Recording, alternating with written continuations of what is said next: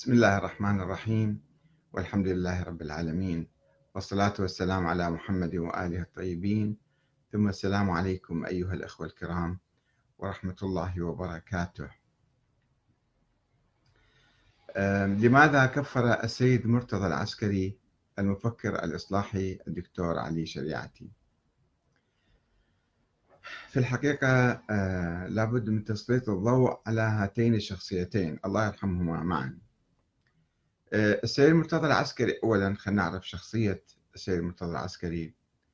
هو أحد قادة حزب الدعوة الأوائل ولا أعرف إذا كان هو من المؤسسين أو لا ولكنه تسلم قيادة حزب الدعوة بعد انسحاب السيد محمد باقر الصدر والسيد مهدي والسيد آه، باقر الحكيم. يعني في 63 إلى 64 65 هو كان آه، يقود حزب الدعوة. آه، وبعد ذلك تسلم هادي السبيتي استلم القيادة إلى آه، سنة 80 تقريبا هو كان يعرف أنه قائد حزب الدعوة. يعني هو كان رجل إصلاحي أيضا ورجل حركي وليس رجلا تقليديا مثل بقية المراجع التقليديين.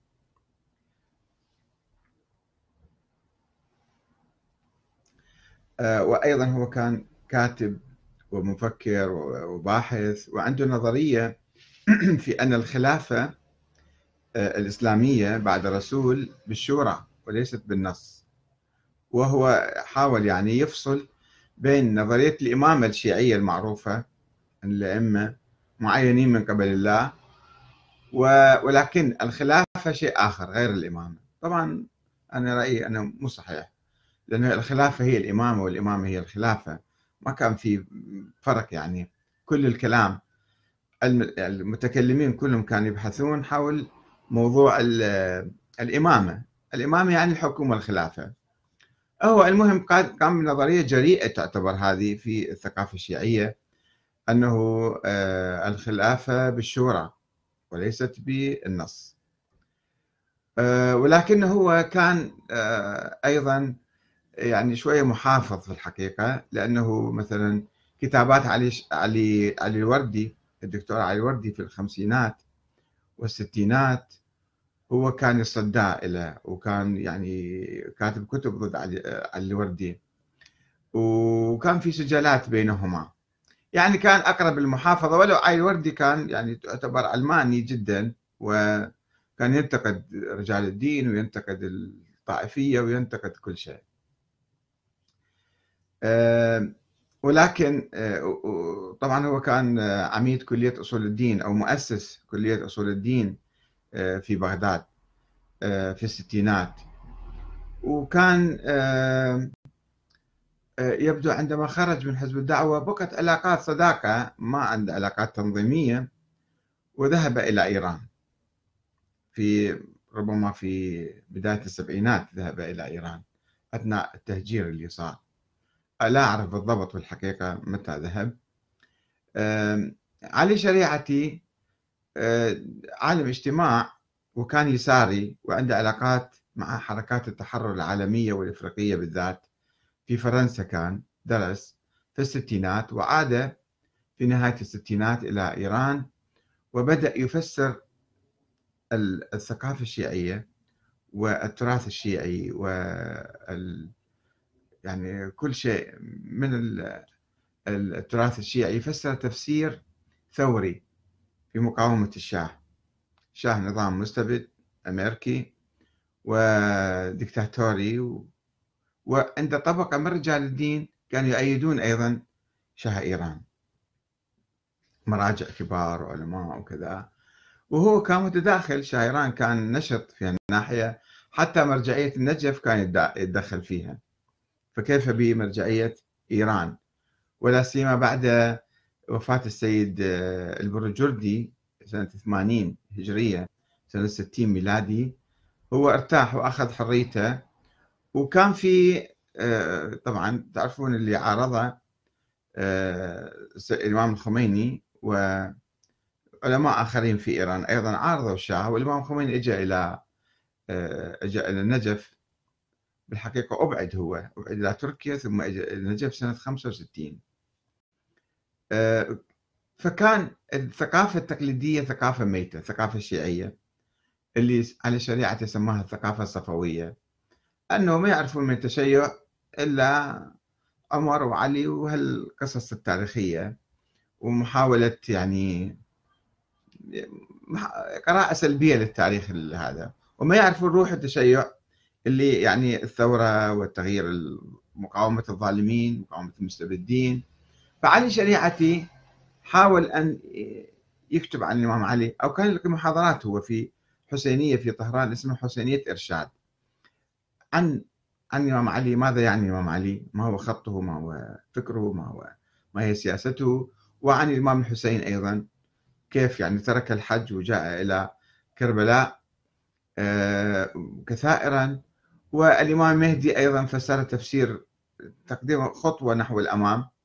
قال بأنه الانتظار السلبي خطأ. لماذا تنتظرون هذا الإمام؟ آه، إلى متى؟ آه، فهناك انتظار سلبي وانتظار إيجابي. هو أول من طرح هذه الفكرة. انتظار إيجابي. أنه نعمل ونسوي حكومة وننتظر الإمام. آه، طبعا هذا التفاف على نظرية الإمام بالثاني عشر لأنه الإمامية حصروا القيادة والزعامة والإمامة بهذا الشخص المفترض اللي هو ابن الحسن العسكري اللي ما مولود ولكن اعتقدوا أو افترضوا أنه مولود. فهو لم يدخل عميقا في الفكر الشيعي والإمامي أن الإمامة صحيحة ولا مو صحيحة والمهدي موجود أو ما موجود. يعني حاول أن يوظف هالمفردات الشيعية آه، اللي هي كانت سلبية صايرة. مسألة الإمام علي صارت فقط صراع مع السنة. والإمام مهدي نقعد نتكتف وننتظر الإمام يخرج. هو قال لا فأعاد تفسير الثقافة الشيعية. فالعلماء اللي تقريبا كانوا هم تقليديين أو مرتبطين بالشاه آه، ما عجبهم هذا التفسير الثوري. آه، فصاروا يقاوموه ويحكون عليه ويردون عليه ويكفروه وكذا. دائما الرسائل هو كان يقرأ رسائلهم. ويقول شوفوا العلماء كيف يتكلمون علي آه، حاولوا يقاوموه ولكن هو كان ينتشر. فكرة كان ينتشر لأنه في الكلام خاصة الشباب اللي أكثر كان صار يساري وخاصة شباب الجامعات اللي كانوا يردون يقاومون النظام ولكن ما عندهم فكر. الفكر اليساري الماركسي مثلا الشيوعي آه، ما يمشي بإيران. كانوا يدركون أيضا هذا بعيد عن آه، الثقافة الإيرانية. فإجى على شريعتي فسر الثقافة الشيعية تفسير ثوري. فوقع تفسيره موقعا في أرض خصبة في في إيران. وبالتالي ولد تيار ثوري. وعندما تحركت الجامعات تحرك الشعب. الجامعات دائما هم قلب المجتمع. الشباب المثقف الواعي اللي هو يقود المجتمع.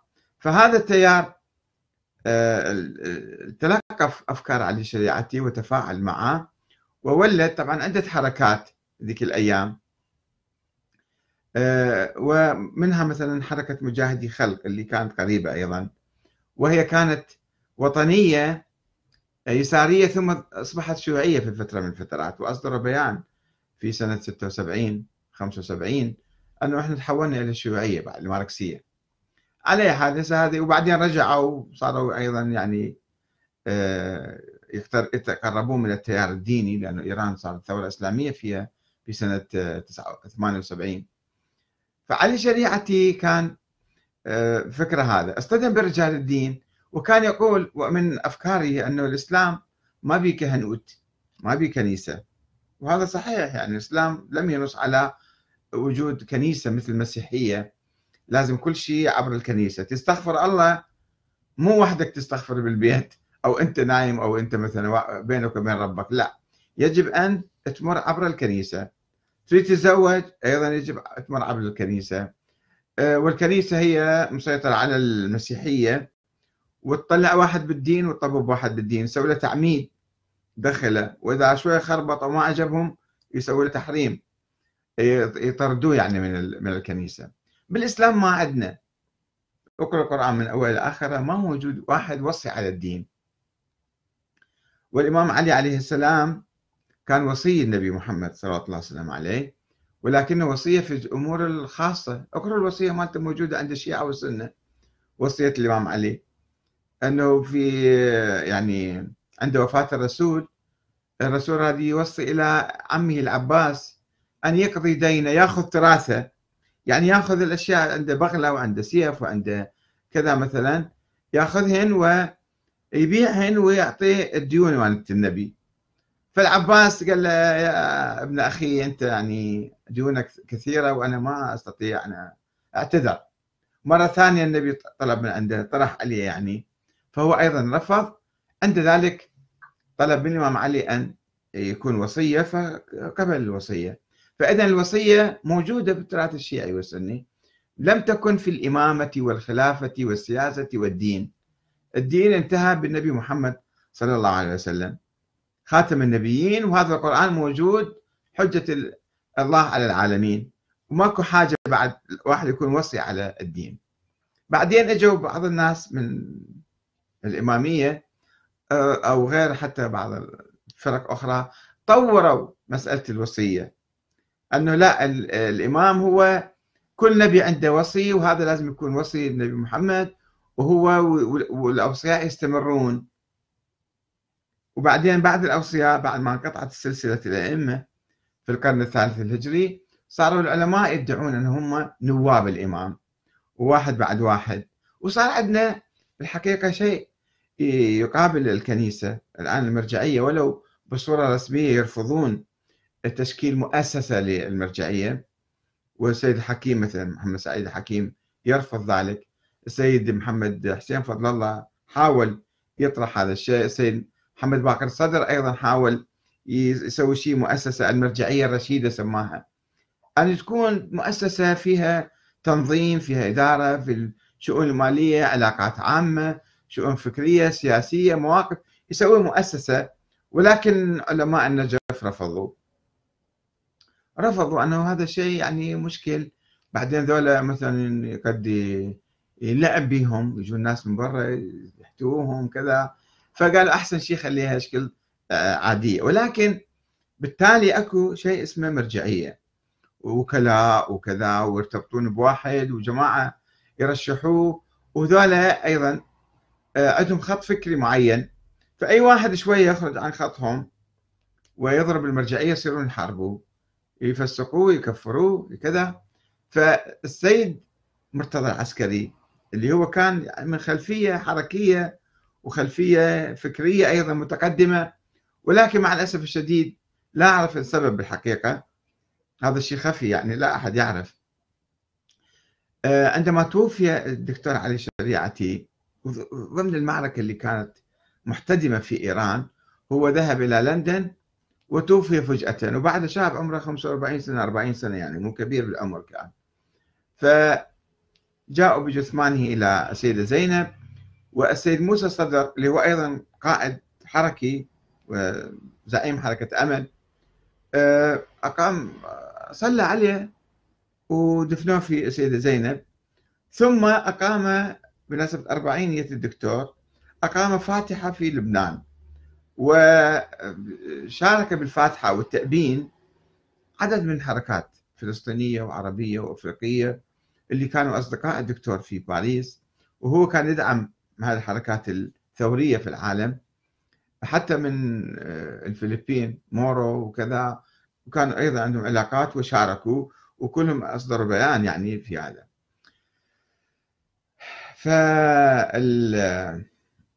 فالسيد مرتضى العسكري هنا امتعض كثيرا يبدو عليه وكتب رسالة إلى نائب السيد موسى الصدر اللي كان ذيك الأيام الشيخ محمد مهدي شمس الدين. نائب كتب له رسالة أنه ليش هذا السيد موسى الصدر يسوي فاتحة الدكتور علي شريعتي هذا الكافر قال عنه كافر.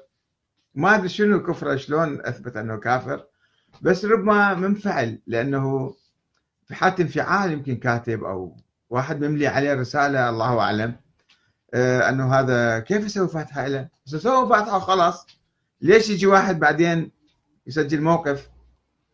و آه، يعني بس أقول مثلا منحرف ضال على قولتهم دائما الحوزة يصدرون حتى على سيد محمد حسين فضل الله رحمة الله عليه.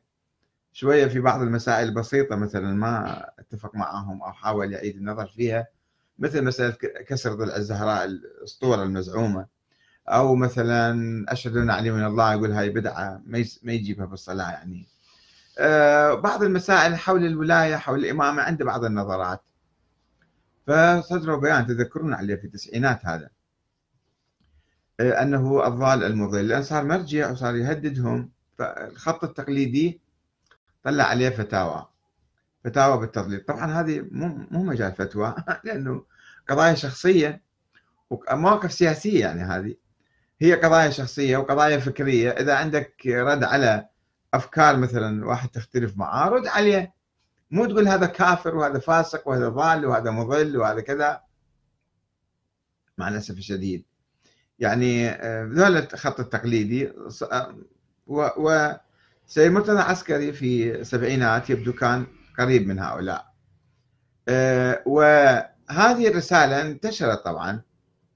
انتشرت وسببت توتر بين رجال الدين الثوريين الإيرانيين اللي كانوا بإيران وبرا حول الإمام الخميني.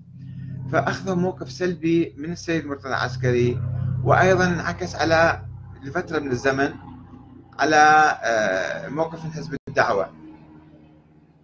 بعض الناس يقولون أن منظمة العمل مثلا هي التي وترت العلاقة بين إيران وبين آه، حزب الدعوة. هذا مو صحيح.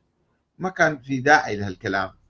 إنما كان في توتر قبل الثوره بسنة سنتين 77 توفى علي الشريعتي و78 صارت ثورة و79 نجحت إيران و80 إجوا حزب الدعوة إلى إيران. فكان في علاقات شوية يعني متوترة بهذا السبب وليس بسبب تدخل منظمة العمل أو واحد مثلا ما كان داعي يعني.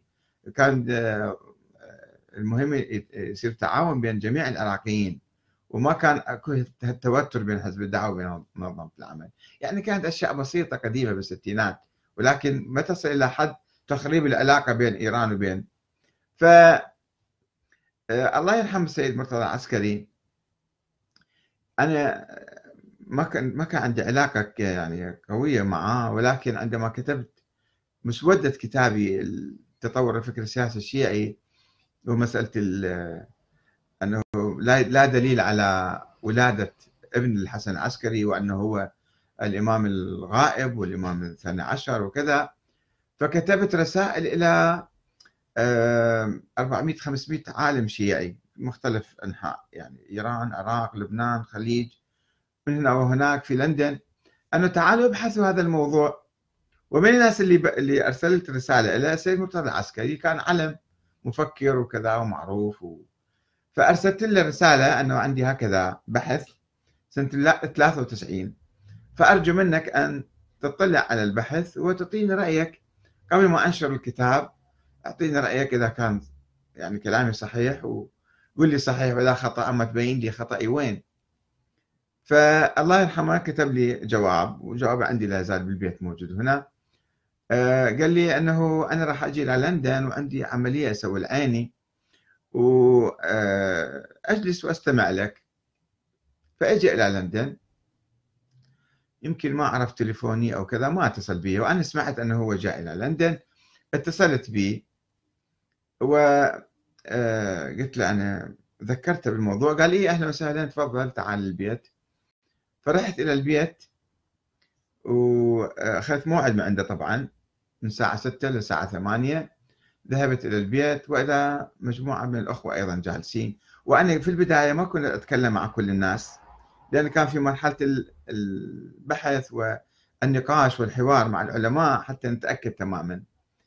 آه، ما أدري هو أي سنة بالضبط إجا أعتقد في 94 95 لا أتذكر الآن بالضبط. فذهبت إليه وكان مجموعة من الناس من الأخوان جالسين. الشيخ أبو نبوغ الدكتور جوزف القزويني وأخوة آخرين. وكان في مسجلات حاطين على الطاولة. فقلت له سيدنا أنا عندي يعني بحث خاص معك وأريد أستفيد من عندك. فالأخوة الآخرين يعني راح ياخذوا وقت إذا هم دخلوا بالحوار معنا. فقال لا لا طبعا راح يعني ما حد ما يتكلم من الإخوان فقط يستمعون. اشترط عليهم ذلك هم قالوا طيب عندك مانع نسجل قلت لهم لا ما عندي مانع نسجل تفضل سجلوا فسجلوا بالأشرطة الكاسيت يعني. وأنا بدأت أتحدث مع السيد عن رحلتي الفكرية التطور اللي حصل عندي بعد قيامي بكتابة بدراسة نظرية ولاية الفقيه. التي جرتني إلى بحث موضوع وجود الإمام الثاني عشر الغائب وثم موضوع الإمامة. صار عندي إعادة نظر. في الإمامة وفي وجود الثاني عشر وفي ولاية الفقيه. فقال أنا يعني أنا بدي أسوي عملية وما أقدر أقرأ كتابك. جبت له المسودة معي. أنا تفضل أقرأ المسودة. قال لا أنا ما أستطيع أن أقرأ المسودة. أعطاها الأخ أبو نبوغ أحد قيادات حزب الدعوة. كان في في لندن ذيك الأيام.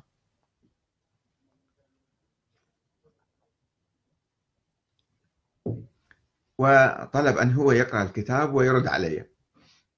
فأخذ لمدة أسبوعين آه، ثم رجع الكتاب قال أنا أعتذر عن مناقشة الكتاب قال أنا ما عندي مصادر هنا في لندن ولست مختصا في علم الرجال حتى أرد عليك الروايات.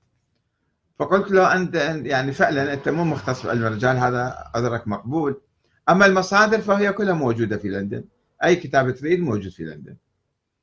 قال على أي حال أنا أعتذر. فالسيد كان مسوي عملية ورايح إلى إيران. كتبت له رسالة أنه حدث هكذا يعني ما رد علي. فأرجو أنت أن تقرأ الكتاب وترد علي. فشوية صار عصبي السيد وأعطاني كتب طبعا في لندن أعطاني وبعث لي إياها بالكرتون من من لندن من طهران. قال أنه يعني ليش أنا أقرأ كتابك؟ أنت أقرأ كتبي. قلت له سيدنا مو أنا قاري كتبك أولا ثم أنا اللي جايب شيء جديد أنت اطلع عليه وأعطيني رأيك فيه. فرفض يعني أن يتابع الحوار. رحمة الله عليه. يعني شفت شوية صار عصبي في في النقاش وكذا. ربما من ناحية العصبية اللي هو كتب أن هذا كافر كلمة كبيرة. أنه على شريعتي كافر مثلا.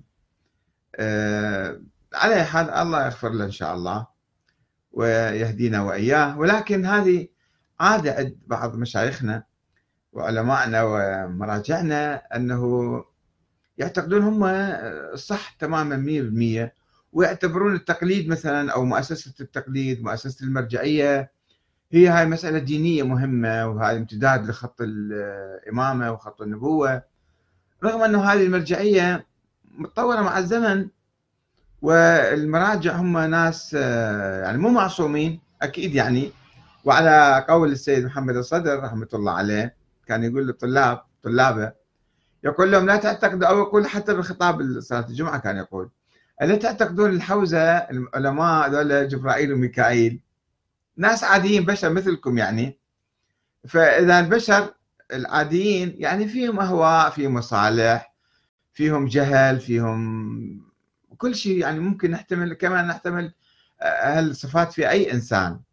فكيف الله سبحانه وتعالى يأمرنا بطاعة هذا المرجع؟ اللي هو قد يكون جاهل قد يكون الله أعلم في إيمانه في تقواه. هذا الظاهر ما يمكن نبني عليه. وقد يكون مشتبه في بعض المسائل. فالله سبحانه وتعالى ما يمكن يقول لنا أنتم يعني ذبها بركبة عالم واطلع منها سالم. هذا مستحيل. ما يخطئون يشتبهون. آه، لهم هوى لهم مصالح سياسية لهم كل شيء. فما يمكن إحنا نقول العلماء هم نفترض لازم يكونوا أتقياء. ولكن كيف نعرف التقي والورع من الدعاية والإعلام؟ إذا شفنا موقف صحيح عنده رأي صحيح ممكن وعنده أدلة مقنعة ناخذ برأيه. وبيننا وبين الله إحنا ناخذ أدلة مالته ونعتمد نعمل بذلك الحكم المستدل بيننا وبين الله. ما يجي واحد بالنص يصير هو يعني واسطة بيننا وبين الله. هذه المشكلة الكبيرة. أن بعض الناس يعتقدون أن العلماء خلص ذول مثل الأئمة مثل الأنبياء. ومعصومين وكذا ولازم نتبعهم اتباع أعمى تقليد أعمى. هذا ما يصير. مو صحيح يعني. حقيقة مو صحيح. لذلك إحنا يجب أن نحاسب العلماء نراقبهم ونشوف وين يصرفون الفلوس فتواهم كيف صحيحة لو مو صحيحة وإذا شفنا فتوى خطأ نفتيها. أو فتوى لازم يفتيها أو موقف لازم يقوله وما قال المرجع. تقاعس تخاذل خاف بس ما نقول مرجع يكون عميل أو تابع لجهة أجنبية وهذا ما موجود. موجود كما كان في إيران مثلا علماء ومراجع تابعين إلى الشاه. أو كان مثلا معروفين يسموهم علماء البلاط. موجود هذا الشيء. العلماء مو العلم ما يعطي واحد تقوى. العلم شيء والتقوى اللي هي حسب السياسة وحسب المواقف وحسب العلاقات وحسب الكذا قد يكون واحد يعني ما ما يعبر ما يشوف الله شو يقول. إنما هو يشوف مصلحته كيف. وبعدين تتذكرون حتى بعض المراجع مثلا شريعة المداري اختلف مع الإمام الخميني بعد الثورة. ويقال أنه راد يسوي انقلاب أو دعم انقلاب. فالإمام الخميني مثلا رغم أنه كان مرجع كبير آه، حكم عليه بالإقامة الجبرية بالبيت يعني. آه، الشيخ المنتظري أيضا اختلف مع الإمام واحد كان ضد الثاني وبعدين استقال أو أجبروه على الاستقالة وجلس في بيته وفرضوا عليه الإقامة الجبرية لمدة كذا سنة. فهذه تحدث بين العلماء. طيب ليش إحنا نجي إذا افترض قلدنا في واحد عالم نعتبر هذا هو رمز التقوى والإيمان والصلاح وكأن الوحي ينزل عليه. لا يمكن. ما دام بين المراجع الكبار حدثت خلافات فممكن يكون هذا أنا ما أريد أقول هذا موقف صحيح ولا ذاك بس هذا هالامكانيه موجودة. ان المراجع العلماء طلبة الحوزة بيناتهم تنافس في صراع سياسي فيهم كذا فأحيانا يصدرون فتاوى ما أنزل بها من سلطان. هاي يكفرون على شريعتي يفسقون السيد محمد حسين فضل الله. هذا الضال المضل. وهكذا الآن حتى الآن موجود. يشوفون بعض العلماء أو حتى بعض المراجع يجي يتجاوز صلاحياته ويفتي. هو مو مجال فتوى بس هو يقول لك هاي فتوى. كل شيء عنده فتوى.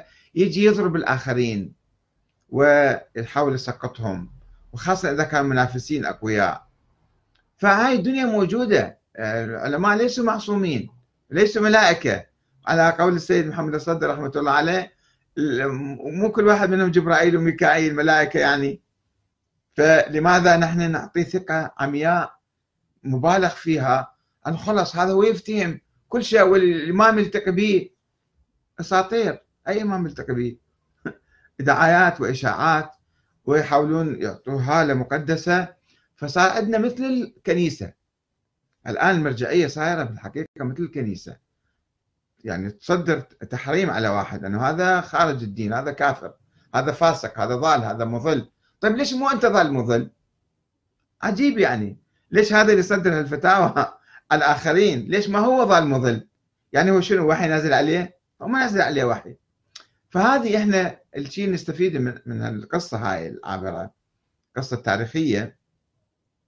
وإحنا نتحدث هالايام عن على شريعتي وهي الفتوى لأنه يوم 19 يعني حزيراني مناسبة وفاته وصار يتكلمون كثير من الناس حول موضوع التكفير والرسالة فأحببت أن ألقي بعض الضوء على آه، هذه القصة وهذا الخلاف آه، ونستفيد العبرة من عند اليوم إحنا أنه المرجع ما له حق أو الفقيه أو أي واحد ما له حق يكفر الناس ويفسقهم ويضللهم وذول منحرفين وهو قد يكون منحرف هو قد يكون ضال ومضل. فإذا على كل إنسان واعي ومثقف فتح شوية عيونه ما يغمض عيونه تماما ويمشي آه، أعمى وراء أعمى.